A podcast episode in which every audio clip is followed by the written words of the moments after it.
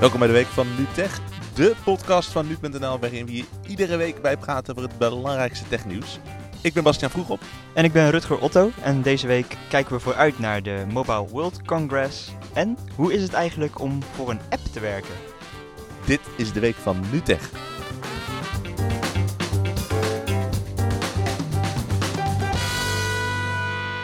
Laten we even met de Mobile World Congress beginnen. Het is de grootste telecombeurs ter wereld. Dit jaar weer in Barcelona. Het gaat eigenlijk maandag van start, maar zondag zijn er al eh, flink wat persconferenties van telefoonbedrijven die hun nieuwe telefoons, tablets en andere apparatuur allemaal gaan aankondigen. Ja, ja de, de- dat is altijd net een beetje voor de beurs. Hè. Dan, dan staan de bedrijven gewoon al met hun allernieuwste producten te pronken. Eh, misschien wel eh, de belangrijkste dit jaar is de Galaxy S9 van eh, Samsung, denk ik. Ja, want we weten eigenlijk al dat die komt. Hè? Want Samsung heeft al een uitnodiging gestuurd met een hele grote 9 erin voor tijdens de Mobile World Congress. Ze grijpen ook wel vaak het voorjaar aan om dit soort nieuwe telefoons aan te kondigen. Dus nou, dat wordt gewoon inderdaad een Galaxy S9. Kan haast niet anders. Precies, ja, ja. En op die eh, uitnodiging staat ook al een, een hint, kunnen we wel zeggen. Hè? Ah, De, love eh, hints. Precies. Eh, de focus op de, op de camera, die wordt blijkbaar een, eh, weer een stuk beter. Ja. Eh, de vraag is dan een beetje, eh, wat zijn ze precies van plan? Ja, want er zijn al een paar beelden gelekt. We gaan, het, ja, we gaan zondag me- eh, merken in hoeverre die kloppen. Maar als je ook naar die beelden kijkt, het is een beetje een marginale upgrade vergeleken met wat de S8 vorig jaar was. Hè? Toen hadden ze die vrij dikke schermranden, werden toen opeens heel erg dun. was de eerste echt ja, mainstream telefoon die dat eh, deed. En dit is een beetje, als we die foto's zien, het lijkt een beetje inderdaad op een iets verfijnder eh, S9. Wel zijn er een paar dingetjes eh, aan de buitenkant te zien waaruit je zou kunnen afleiden dat het inderdaad een nieuw toestel is. Hm. Eh, er werd wat geklaagd over de vingerafdrukscanner van de S8.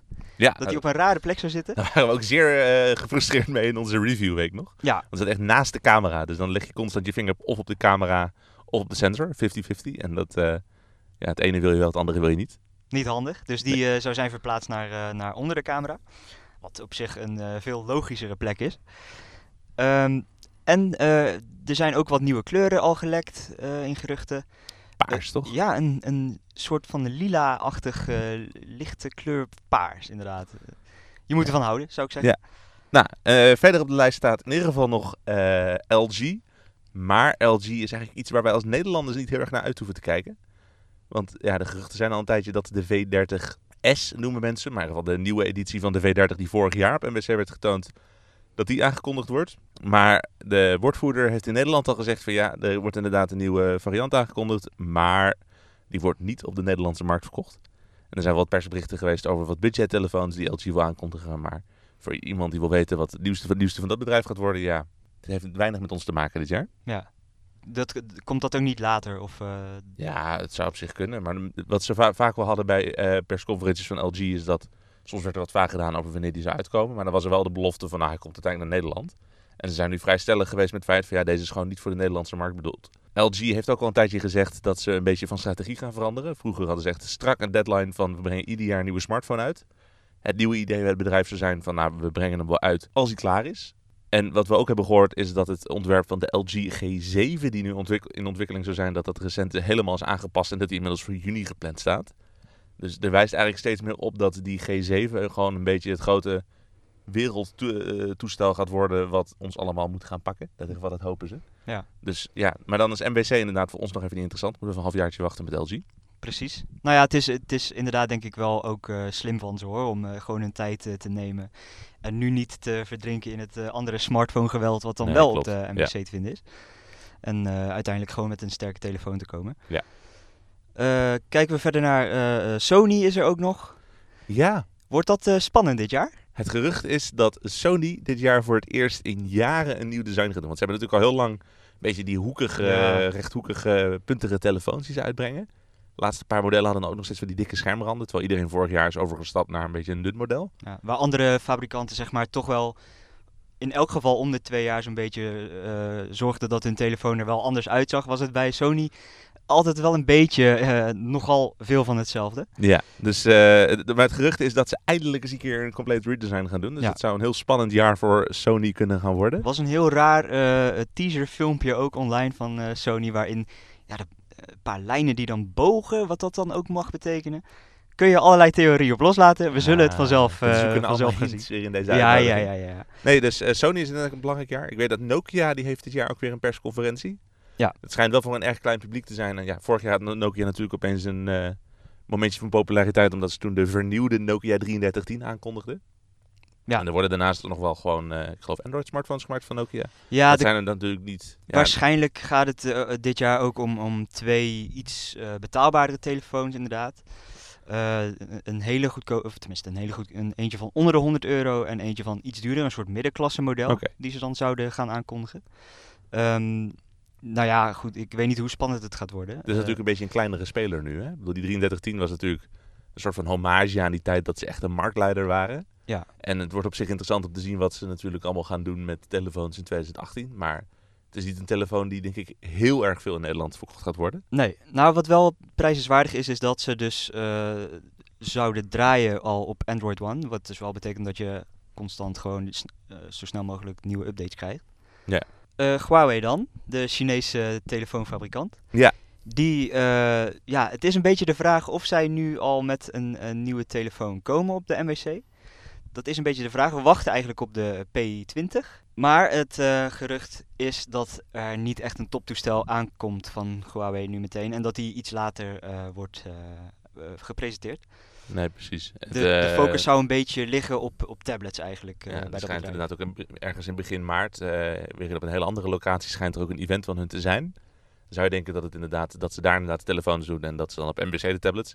Je zou bij een, een eh, beurs voor mobiele telefoons verwachten dat ze dat misschien zouden omdraaien, maar ik weet ook niet wat de strategie daarachter is. Nee, ja, waarschijnlijk gewoon dat ze meer aandacht krijgen als ze het helemaal lostrekken. Dat eh, denk ik dan. Ja. Eh, maar goed, het, van Huawei kunnen we wel denk ik een, een interessant eh, telefoon verwachten. Want daar wordt gesproken over drie camera's. Maar moeten we dus iets langer opwachten. Ja, nog even geduld. Eh, misschien nog een klein achtergronddingetje. Want wij zijn natuurlijk met z'n tweeën zijn we dus op Mobile World Congress dit jaar. En daar gaan we natuurlijk gewoon naar alle aankondigingen. Maar we gaan ook naar alle praatjes om eh, achtergrondinformatie en over trends op de mobiele markt te kijken. En één ding wat ik zelf heel erg veel in de agenda voorbij zag komen is de Algemene Verordening Gegevensbescherming. Is natuurlijk een eh, Europese wet die eh, bepaalt hoe er met je gegevens en je privacy in Europa wordt omgegaan. Is een tijdje geleden is die al aangenomen, maar in mei zou die echt hard in werking treden. Dus heel veel bedrijven wereldwijd zijn echt als een gek bezig om te zorgen dat zij voldoen aan die regels. Daarin staat bijvoorbeeld dat je gewoon expliciete eh, toestemming moet geven voordat bedrijven bij je gegevens kunnen. Dat al je gegevens ook opgevraagd kunnen worden bij de bedrijven waar ze bewaard zijn en zo nodig kunnen worden verwijderd. Dus infrastructuur eh, van providers en zo, die worden natuurlijk hard herschreven, zodat al die gegevens makkelijk opgevraagd kunnen worden. Heel gedoe. Maar je merkt dus inderdaad dat heel veel eh, Mobile World Congress is naast natuurlijk gewoon een plek waar heel veel telefoons worden aangekondigd, natuurlijk ook een beurs voor experts. Dus Ja. allemaal mensen van providers en die eh, zendmastapparatuur maken en ook gewoon de telefoonmakers zelf lopen daar rond. Dus je ziet dat heel veel bedrijven dit moment ook weer aangrijpen om zich te informeren van, oh jee, hoe kunnen we ons nu heel snel gaan aanpassen om aan die regels te voldoen. Ja, Dus daar gaan we, ja, er komt denk ik geen hard nieuws uit, maar daar gaan we wel het een en ander over horen. dat denk ik ook. Even de stand van zaken eh, bekijken. So we're going to have a great Mobile World Congress this year. Je kunt inmiddels met apps op je telefoon eten, taxis, klusjesmannen bestellen. Maar wat schuilt er nou eigenlijk achter al die handige bestel-apps? Onze collega Stan sprak met de auteur van een boek over de deeleconomie dat deze maand is uitgekomen. Ik ben Rens Lieman, ik ben eh, freelance journalist. Ik schrijf onder andere voor NRC Next, Esquire, Het Parool, Nieuwe Revue. Vaak over technologiebedrijven en hoe die ons leven veranderen. En ik heb net een boek geschreven dat nu uit is, Uber voor alles. Kun je vertellen waar je boek over gaat? Uber vooral en over de on-demand economie. Dat is eigenlijk alles wat je met een druk op de knop op je smartphone bestelt, naar je toe haalt. Dus het kan een taxi via Uber zijn, maar ook eten via Deliveroo.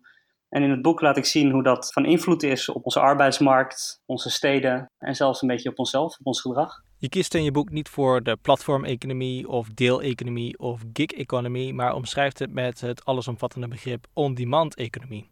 Waarom is dat? Omdat al die andere termen door elkaar heen lopen. Eh, Marktplaats.nl is ook een platform, Facebook is een platform. Dus als je dan over de platformeconomie gaat hebben, dan is het niet meteen duidelijk. Ehm, on-demand economie is een mooi afgebakende term. Het, zijn spullen en diensten die, je die je met een druk op de knop eh, nu wilt hebben. Kun je vertellen waarom die on-demand economie jou zo aansprak? Ja, ehm, ik heb twee jaar in New York gewoond. En daar merkte ik dat je echt heel veel on-demand kon bestellen. Ehm, je kon je vuile was door iemand laten ophalen. Je kon wiet bestellen. Je kon een oppas voor je hond bestellen of een oppas voor je kind. Allemaal on-demand, dus wanneer jij het wil. Dat vond ik wel interessant. En toen ik terugkwam in Nederland, toen zag ik dat uh, Foodora en Deliveroo heel groot waren geworden. Ze krioelen door de stad, die fietsbezorgers met die grote kubusvormige rugtassen op hun rug. Dat is dan heel snel gegaan, want toen ik wegging zag ik ze nog niet. Twee jaar later zie je ze overal. En eigenlijk merkte ik aan mezelf dat ik er niet zoveel van af wist. Wat gebeurt er als ik eh, op een knop druk uh, en ik weet wel, vijf minuten later komt die taxi voorrijden, maar wat is er in de tussentijd gebeurd? En wat voor rol heeft technologie daarin gespeeld? Want dat moet een grote rol hebben, want anders kan het allemaal niet zo snel gaan. Ik begon me ook af te vragen hoe het dan onze arbeidsmarkt aan het veranderen is. Want blijkbaar is er een nieuwe manier van werken ontstaan. Nou, hoe zit dat dan? Hoe verandert dat de, de standaard manier waarop we werken? En ik begon na te denken hoe het ons gedrag misschien kan veranderen. Want uh, denk aan apps als Facebook. Uh, dat hebben we ook eigenlijk jarenlang gebruiken we dat omdat het fijn werkt, omdat het gratis is. Het is gemakkelijk. En nu pas beginnen we een beetje te begrijpen uh, dat het ook gedragsverandering teweeg heeft gebracht. Ik begon me af te vragen, misschien gaan die on-demand uh, apps dat ook wel hebben. En om die vraag te beantwoorden ben je naar Silicon Valley gereisd. Je hebt daar onder meer het kantoor van Uber bezocht. Wat zag je daar? Nou, als je dat kantoor van Uber, als je daar rondloopt, wat, wat, me, wat me gewoon een klein detail, wat, wat me opviel, was dat er overal wordt verwezen naar uh, de wereld veroveren. Uh, je ziet overal vlaggen hangen, de vergaderruimtes hebben namen van steden waarin Uber actief is. Ehm, dat geeft toch wel aan hoe trots ze zijn op hoeveel landen ze eigenlijk ja, veroverd hebben met hun dienst. Uh, en dat is absoluut een belangrijk punt in de hele on-demand economie, want je ziet het ook bij Deliveroo en ook bij Helpling. Ze zijn allemaal op jacht naar een monopoliepositie, want dan is de beloning ontzettend groot. Als je eenmaal je gevestigd hebt in een stad en mensen zijn gewend om met de Uber-app een taxi te bestellen, ja, dan zit je wel redelijk gebeiteld, want dan willen chauffeurs ook nergens anders meer werken. En dat veel andere mensen ook wel iets zagen in dat verdienmodel, dat zagen we natuurlijk wel bij de opkomst van zogenaamde Uber voor X bedrijven. Bedrijven die het Uber-model toepassen op een andere sector. Vandaar ook de naam van je boek, Uber voor Alles. Maar wat we de afgelopen jaren ook gezien hebben, is dat die drang van Uber om te groeien best wel doorgeslagen is. Niet alleen omdat Uber heel snel heel veel landen en steden binnenkomt en daar zelfs lokale wetten heeft overtreden, maar bijvoorbeeld ook software heeft ontwikkeld om die overheidsinspecteurs te omzeilen. Ja, ik heb die titel niet voor niks gekozen. Je kan dat op twee manieren opvatten. Uh, en inderdaad, je kan het ook opvatten op een manier van Uber zet zichzelf boven alle andere belangen. Ze hebben in een moordend tempo de wereld veroverd. En wat je dan heel duidelijk ziet, is dat ze, laat ik het netjes zeggen, minder rekening houden met lokale gebruiken, wetten, uh, gewoontes. Ja, dat is wel duidelijk. Je hebt zelf ook een tijdje voor Uber Eats en Deliveroo gewerkt. Ja. Waarom wilde je dat zo graag doen? Omdat de on-demand economie heel jong is. Dat betekent dat we er niet zo heel veel van weten. Er wordt en ik kan natuurlijk wel die bedrijven vragen hoe zij dat zien en, en hoe het werkt. Bedrijven hebben natuurlijk een belang bij om mij niet alles te vertellen. Dus ik dacht, als ik nou en die bedrijven interview en daarna toets ik het aan de praktijk, dat kan ik het beste misschien gewoon zelf doen. Wat je ziet is dat de belofte van een on-demand economie aan de werkende kant is, je kunt werken wanneer je maar wil. En dus ook stoppen wanneer je wil. Je hebt dus geen baas meer die je zegt wat je moet doen, wanneer je het moet doen en hoe je het moet doen. Wat ik heb gemerkt is dat dat maar deels waar is. Het klopt dat ik kan in- en uitloggen in die app wanneer ik wil. Maar je moet natuurlijk gewoon je geld verdienen. Dus wat je dan doet is je past je werktijden heel erg aan aan de momenten dat het druk is. Dat is niet gek, maar dat is wel een inperking van die vrijheid. Uh, je laat je verleiden door bonussen en door omzetbeloftes. Dat zijn eigenlijk twee tools die die bedrijven hebben om je te laten werken op de tijden dat zij willen dat je aan het werk gaat. En later ben ik erachter gekomen dat er ook nog wat subtielere trucjes zijn om je dat werk uit te laten oefenen zoals ze dat graag willen hebben. Um, en dan komen we echt op gedragssturing. Dat je bijvoorbeeld bij Uber-chauffeurs, die, die krijgen nog wel eens een melding als ze uitloggen. Van weet je zeker dat je wil uitloggen? Want uh, je, je zit bijna op de 1000 dollar en je zit nu op 900 dollar. Dus als je nog een paar ritjes doet, dan haal je die 1000. Een ander voorbeeld van gedragssturing uh, zijn de, de badges die je kan verdienen, ook weer als Uber-chauffeur als je je auto goed schoonhoudt en uh, genoeg passagiers hebben je daarvoor een uh, thumbs up gegeven, dan kun je een badge verdienen. En die badges die zijn duidelijk gekopieerd uit de game-industrie. En in games dienen ze gewoon een heel simpel doel. En dus dat is dat je beloond wordt voor iets en dat je dus langer dat spel blijft spelen en meer je best gaat doen op die punten, zodat je weer een andere badge kan verdienen dat is niet per se goed of kwaad, maar dat is wel interessant om te ontdekken. En kon jij jezelf als bezorger dan aan die gedragssturing onttrekken? Een beetje. Uh, als je bij Deliveroo werkt, dan zorg je dat je gaat werken op de uren waarvan je weet dat er veel orders zijn. Dus ik deed dat ook. En op die uren gaat eigenlijk die app, geef je aan de lopende band wel opdrachten. Ik merkte dat ik harder ging fietsen, omdat ik weet dat als ik meer opdrachten in een uur doe, krijg ik een paar euro bonus. En dat gaat dus maar om een paar euro. Maar toch ging ik harder op die trappers, op die trappers staan. Ook al waarschuwde mijn vriendin mij altijd van tevoren, fiets je niet te hard. Want hè, het is wel Amsterdam, het is spits. Er kunnen best ongelukken gebeuren. Ik ben ook een keer goed van mijn fiets geflikkerd. Um, toch ging ik harder fietsen omdat ik wist dat die bonus in het verschiet lag. En dat is natuurlijk super suf, want ja, een euro meer of minder, uh, dat maakt natuurlijk niet echt verschil. Uh, waar ik me wel aan kon onttrekken was de, de bonussen voor langere termijn. Uh, dus als je 200 orders in de maand deed bijvoorbeeld. Maar dat komt omdat ik niet van mijn inkomen afhankelijk ben van dit werk. Dat is een belangrijk verschil met mensen die echt dit werk doen bij de Deliveroo zag je dat weinig, maar bij Uber hoorde ik wel dat chauffeurs die gewoon een gezin hebben te onderhouden. En ik heb veel Uber-chauffeurs vooral gesproken, die echt aangeven dat ze zich door die app zo laten sturen. Die kunnen die app aanzetten en dan zien ze op een hittekaartje waar in de stad er op dat moment meer dan gewoonlijk te verdienen is. En dan gaan ze. Maar ja, er ligt geld in het verschiet. Dus je gaat soms meer werken, je gaat soms sneller werken of harder werken. Dat zie je in de hele on-demand economie inkomsten zijn niet meer vast. Je weet niet zeker hoeveel je gaat verdienen in de maand. Dus je stelt jezelf doelen. Ik wil 1000 euro in de week omzetten.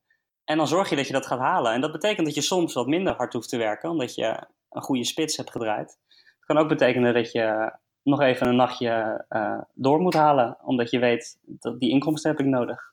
Zie jij sturing door die algoritmes als een gevaar? Weet je, ik weet het nog niet zo goed. Want uh, gedragssturing is eigenlijk aan de orde van de dag in onze wereld. Als we naar de supermarkt gaan, dan wordt ons gedrag gestuurd. Als je bij Booking.com een hotel gaat boeken, dan wordt je gedrag gestuurd. Dus dat weten we wel. Wat het nieuwe hieraan is, is dat het ingezet wordt, serieus ingezet wordt op de arbeidsmarkt.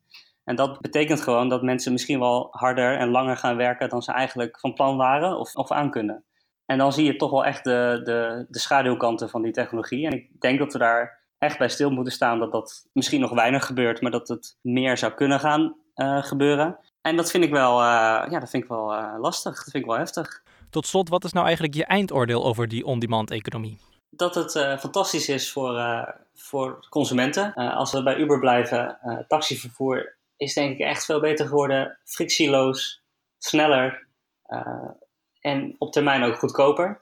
Maar dat we, eh, dat we er meer van moeten begrijpen. Dat we meer moeten snappen wie dat werk doet, uh, onder welke omstandigheden en wat voor gevolgen het op lange termijn heeft. En die zijn ook niet allemaal kwaad, maar ze zijn ook niet allemaal goed. Um, dus dat moeten we doorhebben. En zolang we het doorhebben, kunnen we, daar, kunnen we dat in goede banen leiden. En dat was hem weer voor deze week van NuTech. Volgende week zijn we er weer met al onze ervaringen van de Mobile World Congress. Tot dan kun je ons bereiken in de, de nu.nl app of gewoon op de nu.nl website. Je kunt ons mailen op tech.nu.nl. Mocht je ook feedback hebben over wat je nou eigenlijk van dit uh, interview in de tweede helft van de podcast vond, dan hoor ik het ook vooral erg graag op de mail. En uh, tot volgende week. Doei!